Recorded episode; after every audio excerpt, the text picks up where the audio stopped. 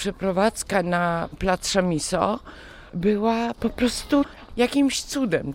Nagle znalazłam się w miejscu, które jest moim wymarzonym miejscem. Tak powinno było wyglądać życie to ten dom zrobił ze mnie świadomą obywatelkę Berlina Zachodniego przyznaje polska berlinianka Ewa Maria Slaska, która przyjechała do Berlina Zachodniego w 1985 roku jako emigrantka solidarnościowa. Trudno przedstawić ją w dwóch słowach, bo jest kobietą wielu zawodów: archeolożka, pisarka, dziennikarka, menedżerka kultury, wydawczyni, blogerka. Gotowa do udziału w każdej demonstracji w obronie praw człowieka i demokracji. Działaczka polonijna, feministka, wegetarianka i posthipiska. Jej opowieści można słuchać godzinami.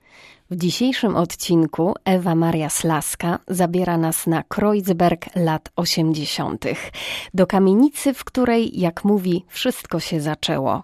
Dlaczego przeprowadzka na Bergman Kids zmieniła jej sposób patrzenia na świat?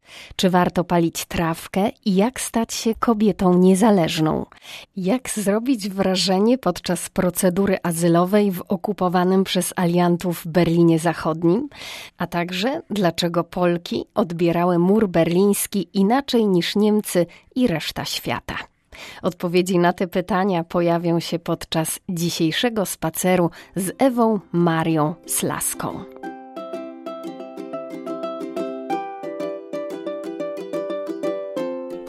Stacja Berlin. Cześć, witam Cię z Berlina.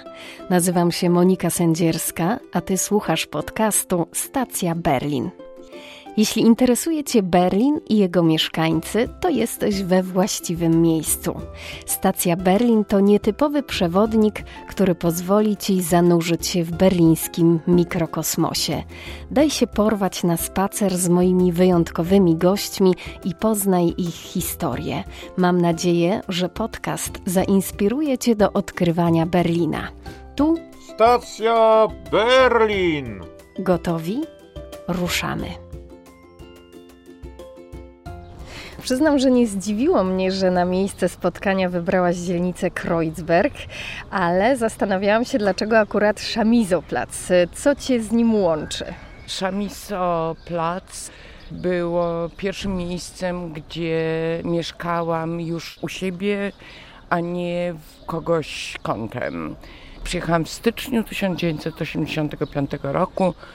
Wiosną tego samego roku przeprowadziliśmy się już do pierwszego własnego mieszkania. Zamieszkaliśmy na Willibald Alexisstrasse, to jest jedna z czterech ulic otaczających plac Szamisowy. Ten plac właściwie sam w sobie to jest głównie plac zabaw po środku. XIX-wieczny kibelek, pisuar, który wciąż jeszcze jest używany i odnawiany. No i zdradzę, że przed nim właśnie stoimy, bo te toalety to takie charakterystyczne, małe, zielone pałacyki, które rzucają się w oczy. No, powoli one znikają z krajobrazu, są przerabiane na imbisy, tak. na bary. E, miejsce wystawowe, na miejsce, gdzie może usiąść autor i przeczytać swoją książkę a ludzie będą siedzieli na chodniku i patrzyli.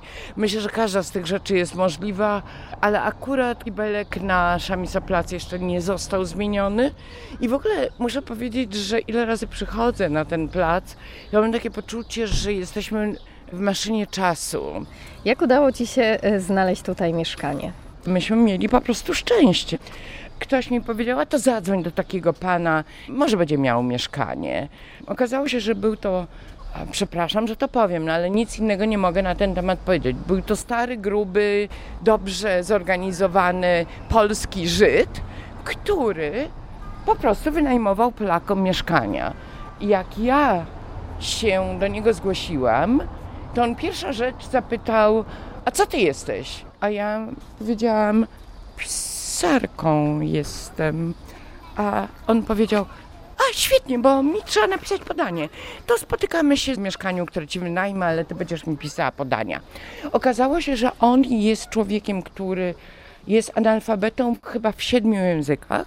Znał siedem języków, ale w żadnym nie umiał pisać ani czytać. Ale wszystkie znał i biznes prowadził wspaniale. Nazywał się pan Singer, bardzo go lubiłam. Podarował mi moją pierwszą berlińską maszynę do pisania, od razu ją przyniósł. Mało tego, mój mąż dostał pierwsze zlecenie, ponieważ się okazało, że pan Singer w tych swoich domach będzie potrzebował różnych robót, a zakładało się, że każdy Polak wszystko umie i rzeczywiście tak też i było. Kreuzberg lat 80. kojarzy mi się z szarymi podwórkami, z kłotami, kolorowymi imprezami, ale i zaangażowaniem politycznym e, mieszkańców. Jak e, tutaj się mieszkało? Przeprowadzka na plac Szamiso była po prostu jakimś cudem. Nagle znalazłam się w miejscu, które jest moim wymarzonym miejscem. Tak powinno było wyglądać życie. Byli tutaj różni lewicowo zorientowani, nastawieni na ekologię, przeciwstawiający się zbrojeniom, przedstawiciele Partii Zielonych, ich bardzo liczni sympatycy. Wszyscy byli właściwie posthipisami. No to może od razu się przyznamy, że ja jako osoba urodzona w 1949 roku, akurat w czasach hipisów, byłam w bardzo podatnym okresie i wszystko mi się bardzo podobało. Podobało mi się to, że można się ubierać jak się chce, że nie trzeba chodzić na wysokim obcasie, aczkolwiek można było. I myśl o tym, że hipisi wprowadzili to, że ja mogę być ubrana nie jak dama, tylko jak ja i mieć potargane włosy i jeszcze do tego słuchali fantastycznej muzyki i palili trawkę. Ja wtedy nie paliłam nawet trawy, ale pozostała mi taka świadomość, że lekkie, niezobowiązujące narkotyki są właściwie częścią takiej subkultury, częścią wolności człowieka. Wtedy myślałam, że młodego człowieka, teraz myślę, że człowieka w ogóle.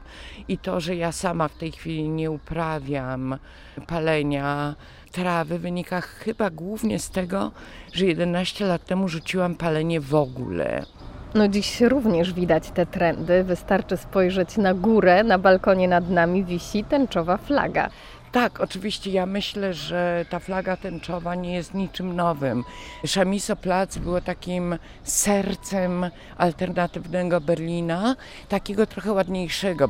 Prawdopodobnie uważało się, że to tam na Kreuzbergu 36 wokół Heinrichplatz było prawdziwe serce alternatywnego Berlina. Tutaj e, nasza Misoplac było trochę eleganciej, może dlatego, że tutaj te domy trochę bardziej takie eleganckie.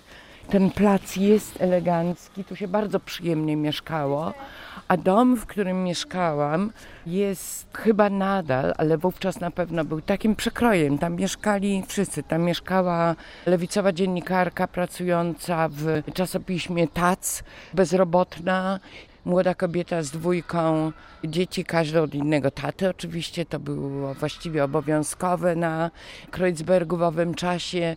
Ona pracowała jako kobieta do towarzystwa w barach na Kudamie. To nie oznaczało, że ona koniecznie musiała być przedstawicielką zawodu prostytutek. Ona mogła to robić, ale nie musiała. Był chłopak, który zaczął wprowadzać komputery i pokazywał nam wszystkim, jak mamy się łączyć z siecią i co to w ogóle jest komputer. Myśmy na podwórku mieli mały taki punkt spotkań, gdzie gotowaliśmy sobie, jak padało, to gotowaliśmy w którymś z naszych wspólnych domów.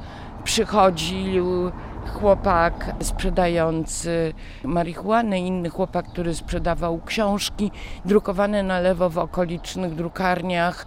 Naprzeciwko nas była pankowa pralnia i jednocześnie mm, dom publiczny.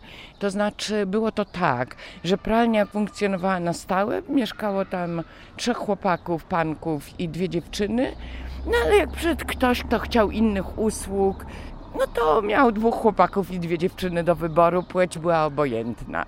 Tutaj też zaczynały się różne demonstracje, przede wszystkim antyzbrojeniowe. No to był ten czas oczywiście jeszcze wciąż. Wszystkie trendy, które potem znaliśmy w całym Berlinie, one moim zdaniem zaczynały się wszystkie tutaj. Że małżeństwo jest nam do niczego niepotrzebne, że tolerancja dla innych orientacji Tych orientacji nie było wtedy tyle, ile jest teraz, ale myślę, że to jest tylko kwestia tego, że nie wgłębialiśmy się zbyt głęboko. Otwarte związki, na wzór oczywiście tego, co każdy z nas wiedział, że tak żyli Sartre i Simone de Beauvoir, a tu nagle, proszę bardzo, nie nasza idolka z czasów komuny, tylko po prostu tak, oni sobie żyją, Tutaj właśnie zaczynały się już targi ekologiczne, jedzenie zdrowej żywności, oczywiście tolerancja dla innych narodowości.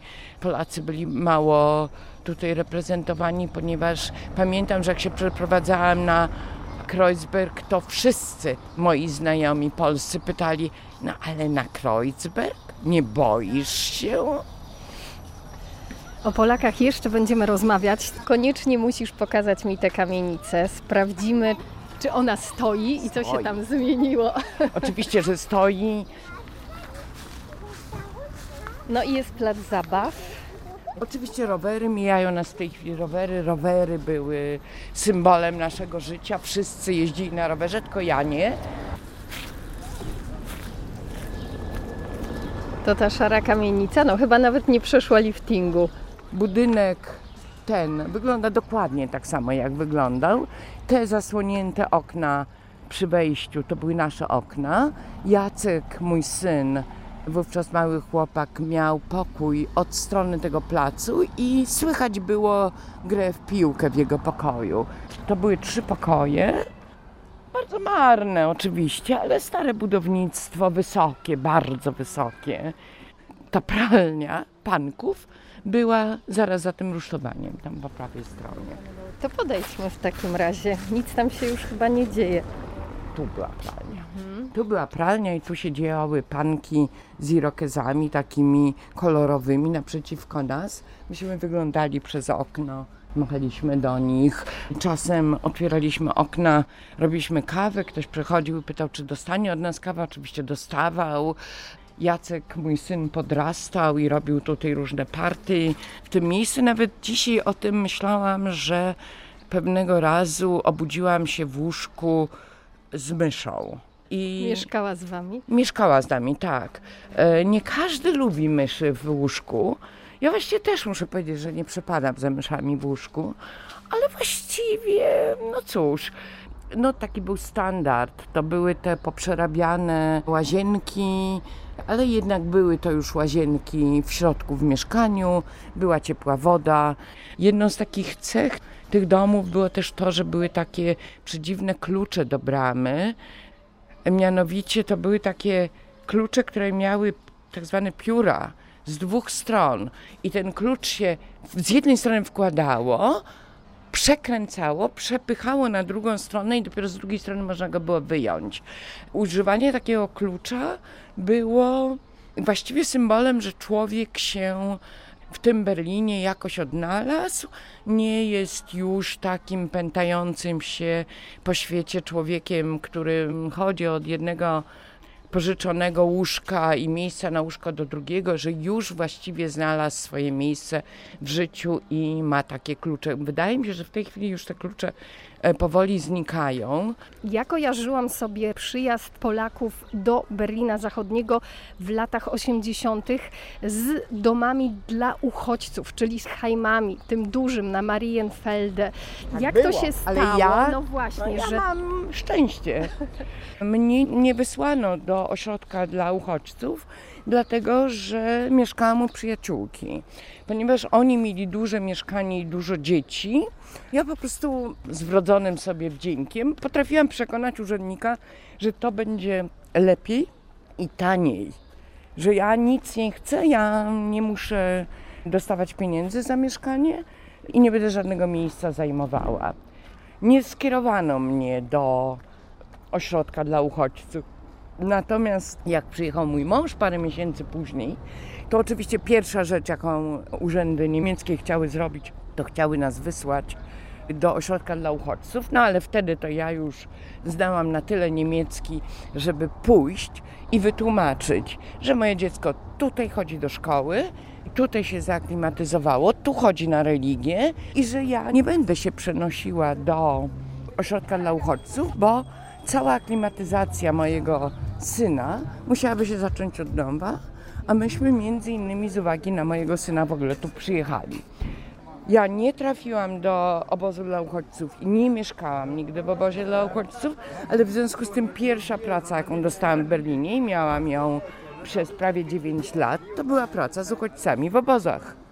Właśnie w takich ośrodkach dla uchodźców. Więc myślę, że jak coś jest komuś pisane, to jak nie dostanie tego w jakiś jeden sposób, to przyjdzie mu to w drugi sposób, po prostu. No. Jeżeli chodzi o sam Twój przyjazd tutaj, z pewnością podlegałaś jakimś procedurom azylowym. Byłaś działaczką solidarnościową w Polsce. Czy to Ci ułatwiało otrzymanie azylu politycznego? Znaczy, właściwie chyba nikt nie miał wątpliwości, że ja ten azyl dostanę. Również osoby przesłuchujące mnie, bo to wtedy tak to było, póki był Berlin Zachodni, jeszcze troszkę potem Berlin był pod tak zwaną okupacją. Oczywiście było to śmieszne słowo, bo nie odpowiadało temu, co my jako Polacy wiedzieliśmy o tym, co oznacza okupacja. Tym niemniej rzeczywiście no, Berlin Zachodni był okupowany przez Anglików, Amerykanów i Francuzów i po prostu byliśmy od nich zależni. W związku z tym, jak przyjeżdżało się do Berlina i chciało się wystąpić o azyl, ja zresztą nie do końca wiedziałam, że ja będę występować o azyl. W związku z tym nie bardzo się przygotowałam do tego. Ja pomyślałam, że no tak przyjadę i będę. A dopiero potem się okazało, że jednak to są bardzo ścisłe procedury. No ale wystarczyło ewidentnie to, co miałam do opowiedzenia. Ja z Amerykanami rozmawiałam dwa tygodnie, dzień w dzień pod rząd, 8 godzin dziennie. Oni doceniali po pierwsze fakt, że mówiłam po angielsku, a po drugie fakt, że miałam coś do powiedzenia, a nie tylko, że byłam i roznosiłam ulotki. To trwało bardzo długo, bo moje papiery zginęły gdzieś na trasie i trzeba je było odzyskać. W związku z tym, o dziwo, chyba szybciej rozpatrzono sprawę mojego męża niż moją, ale zasadniczo wiadomo było, że ten azyl jest sprawą oczywistą. Minęło od tego czasu 36 lat i to jest taki moment, o którym też mogę powiedzieć, że od zeszłego roku ja już zaczęłam dłużej mieszkać w Berlinie niż w Polsce. Tak, wiernie tu mieszkam i jestem wielką miłośniczką tego miasta. Właściwie, gdyby mnie ktoś zapytał, czy jestem Polką, to nie wiem. Pewnie bym tak powiedziała, że tak, oczywiście jestem Polką, ale jestem mieszkanką Berlina, czyli Berlinką. Berlinką. To jest żarcik, dlatego że istnieje barka pływająca między zresztą Polską, a również Berlinem. I te barki nazywają się Berlinki. I dlatego ja zawsze uważałam, że to bardzo śmiesznie mieć taką samą nazwę jak barka, berlinka, barka. To tak jak szoferka i kobieta, która prowadzi, albo japonka i bucik. Te wszystkie feminatywy, które w tej chwili są już czymś oczywistym za moich czasów, dopiero zaczęło się je wprowadzać, wzbudzałam tym okropne zażenowanie, ponieważ mówiłam, że jestem archeolożką, takiego słowa nie było. W tej chwili to jest takie oczywiste, że można to powiedzieć. A moi przyjaciele mówili, aha tak, archeolożką, psycholożką, papuszką. No tak.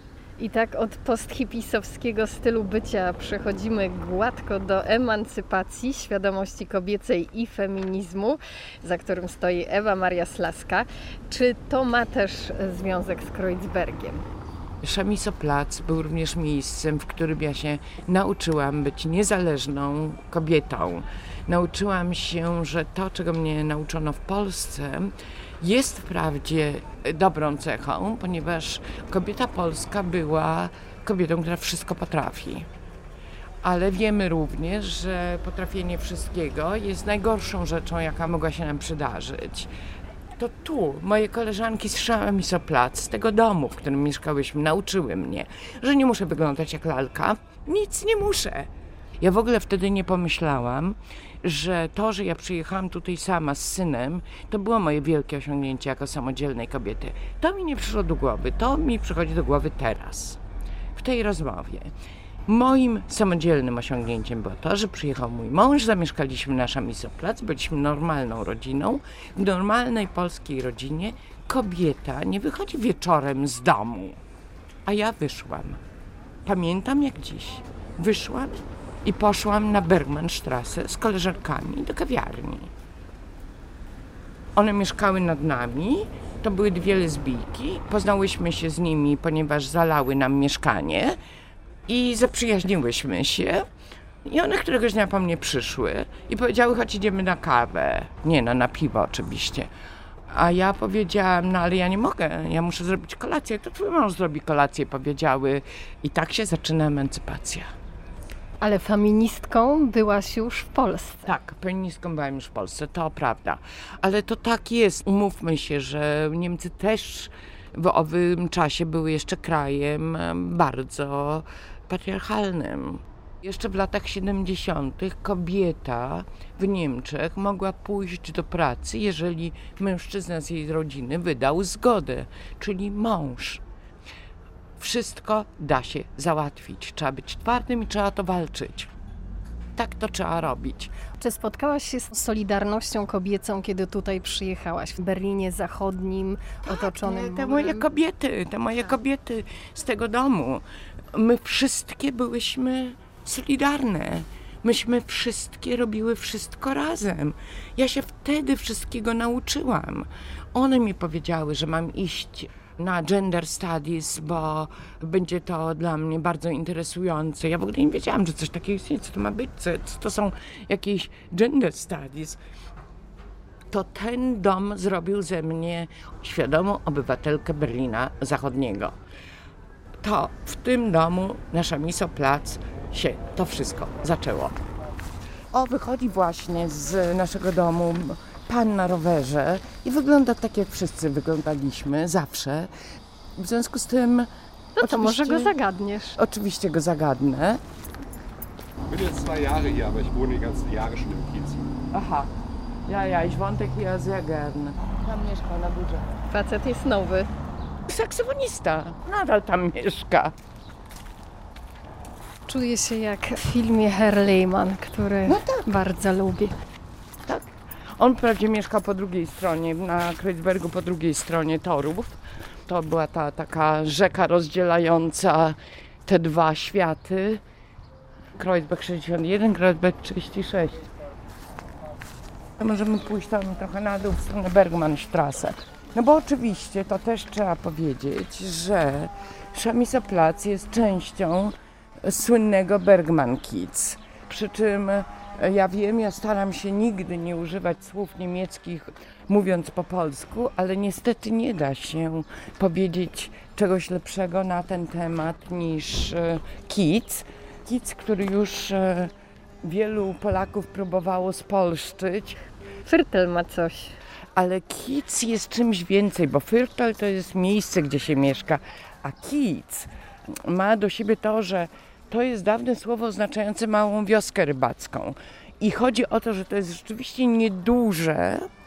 Wszyscy się znają i wszyscy muszą sobie pomagać, bo inaczej nie przeżyją. Taka była zasada istnienia tych wiosek rybackich i dlatego prawdopodobnie to był jakiś taki wyraz jak maszaperia na przykład. I dotarłyśmy znów na plac. Dziś również odbywa się targ, tak jak 30 lat temu. oferta na targu jest trochę inna, ale jarzyny są takie same, jak były za moich czasów. O, proszę, krzywe ogórki, brudne e, buraki. Tak, to była nasza mania. No proszę, to wszystko było już w latach 80. na Kreuzbergu, a hipsterzy myślą, że to współczesny wynalazek. Krzywe ogórki, niedorozwinięte jabłka. Myśmy mieli wielką atencję dla tych rzeczy, które są krzywe, ponieważ wtedy mieliśmy po prostu hopla na tym punkcie. Wszystko nam chcą znormalizować, a my nie chcemy się dać znormalizować. No teraz jest to biologiczno-dynamiczna uprawa. Pamiętam, że było również ekologiczne mięso, co mnie oczywiście w ogóle nie interesowało i połowy mieszkańców Szamisoplac nie interesowało, bo my oprócz wszystkich innych rzeczy posthipisostwa i luzu Myśmy również nie jedli mięsa, byliśmy wegetarianami, przy czym wszystkich to zachwycało, że ja przyjechałam już z Polski jako wegetarianka. Nikt nie chciał w to specjalnie uwierzyć, że jak to jest możliwe, skoro wiadomo było Polsce, że mężczyźni piją wódkę, Mają wąsy. mają wąsy i umieją wszystko w domu zrobić. Złote rączki, Złote, tak zwane. złote rączki, tak, tak, oczywiście. A kobiety ubierają się elegancko, mają bardzo mocny makijaż, pracują jako sprzątaczki i wszyscy Polacy jedzą mięso. Mnóstwo mięsa. Proponuję, żebyśmy się trochę oddaliły, bo robi się tutaj tłoczno. Może znajdziemy jakąś spokojniejszą uliczkę na Bergman-Kitz. To w takim razie może usiądziemy sobie tutaj na rogu, jest stoliczek w cieniu. Była to pierwsza tawerna, w ogóle pierwsza restauracja, w której byłam. To właśnie miejsce. Tutaj pierwszy raz przyszliśmy z pieniędzmi, usiedliśmy przy stoliku i kazaliśmy sobie podać obiad. Ale my dzisiaj tylko na kawę. To co, siadamy? Tak jest. Ich möchte nur Kaffee. Cappuccino für mich, Ich bitte. ja ganz normalen schwarzen Kaffee. Tasse Kaffee. Tasse Kaffee. Genau. Niedawno wydałaś książkę Śladami muru berlińskiego, do której napisania zaprosiłaś Polki pamiętające czasy Berlina Zachodniego. Jak one zapamiętały atmosferę tamtych czasów? Czy jest coś, co wyróżnia ich sposób patrzenia na mur e, berliński? Jest to oczywiste, że to jak patrzą Polacy i jak patrzą Niemcy na mur, to jest coś innego. Jak patrzą Polacy z Polski i Polacy z Berlina, też to jest coś innego. Ale również jest coś innego, jak patrzą kobiety, a jak patrzą mężczyźni.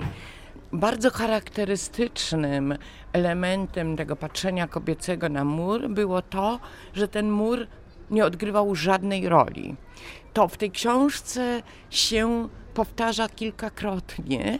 To bardzo dziwne sformułowanie, które teraz wydają się bardzo dziwne, ale wcale nie jest takie dziwne.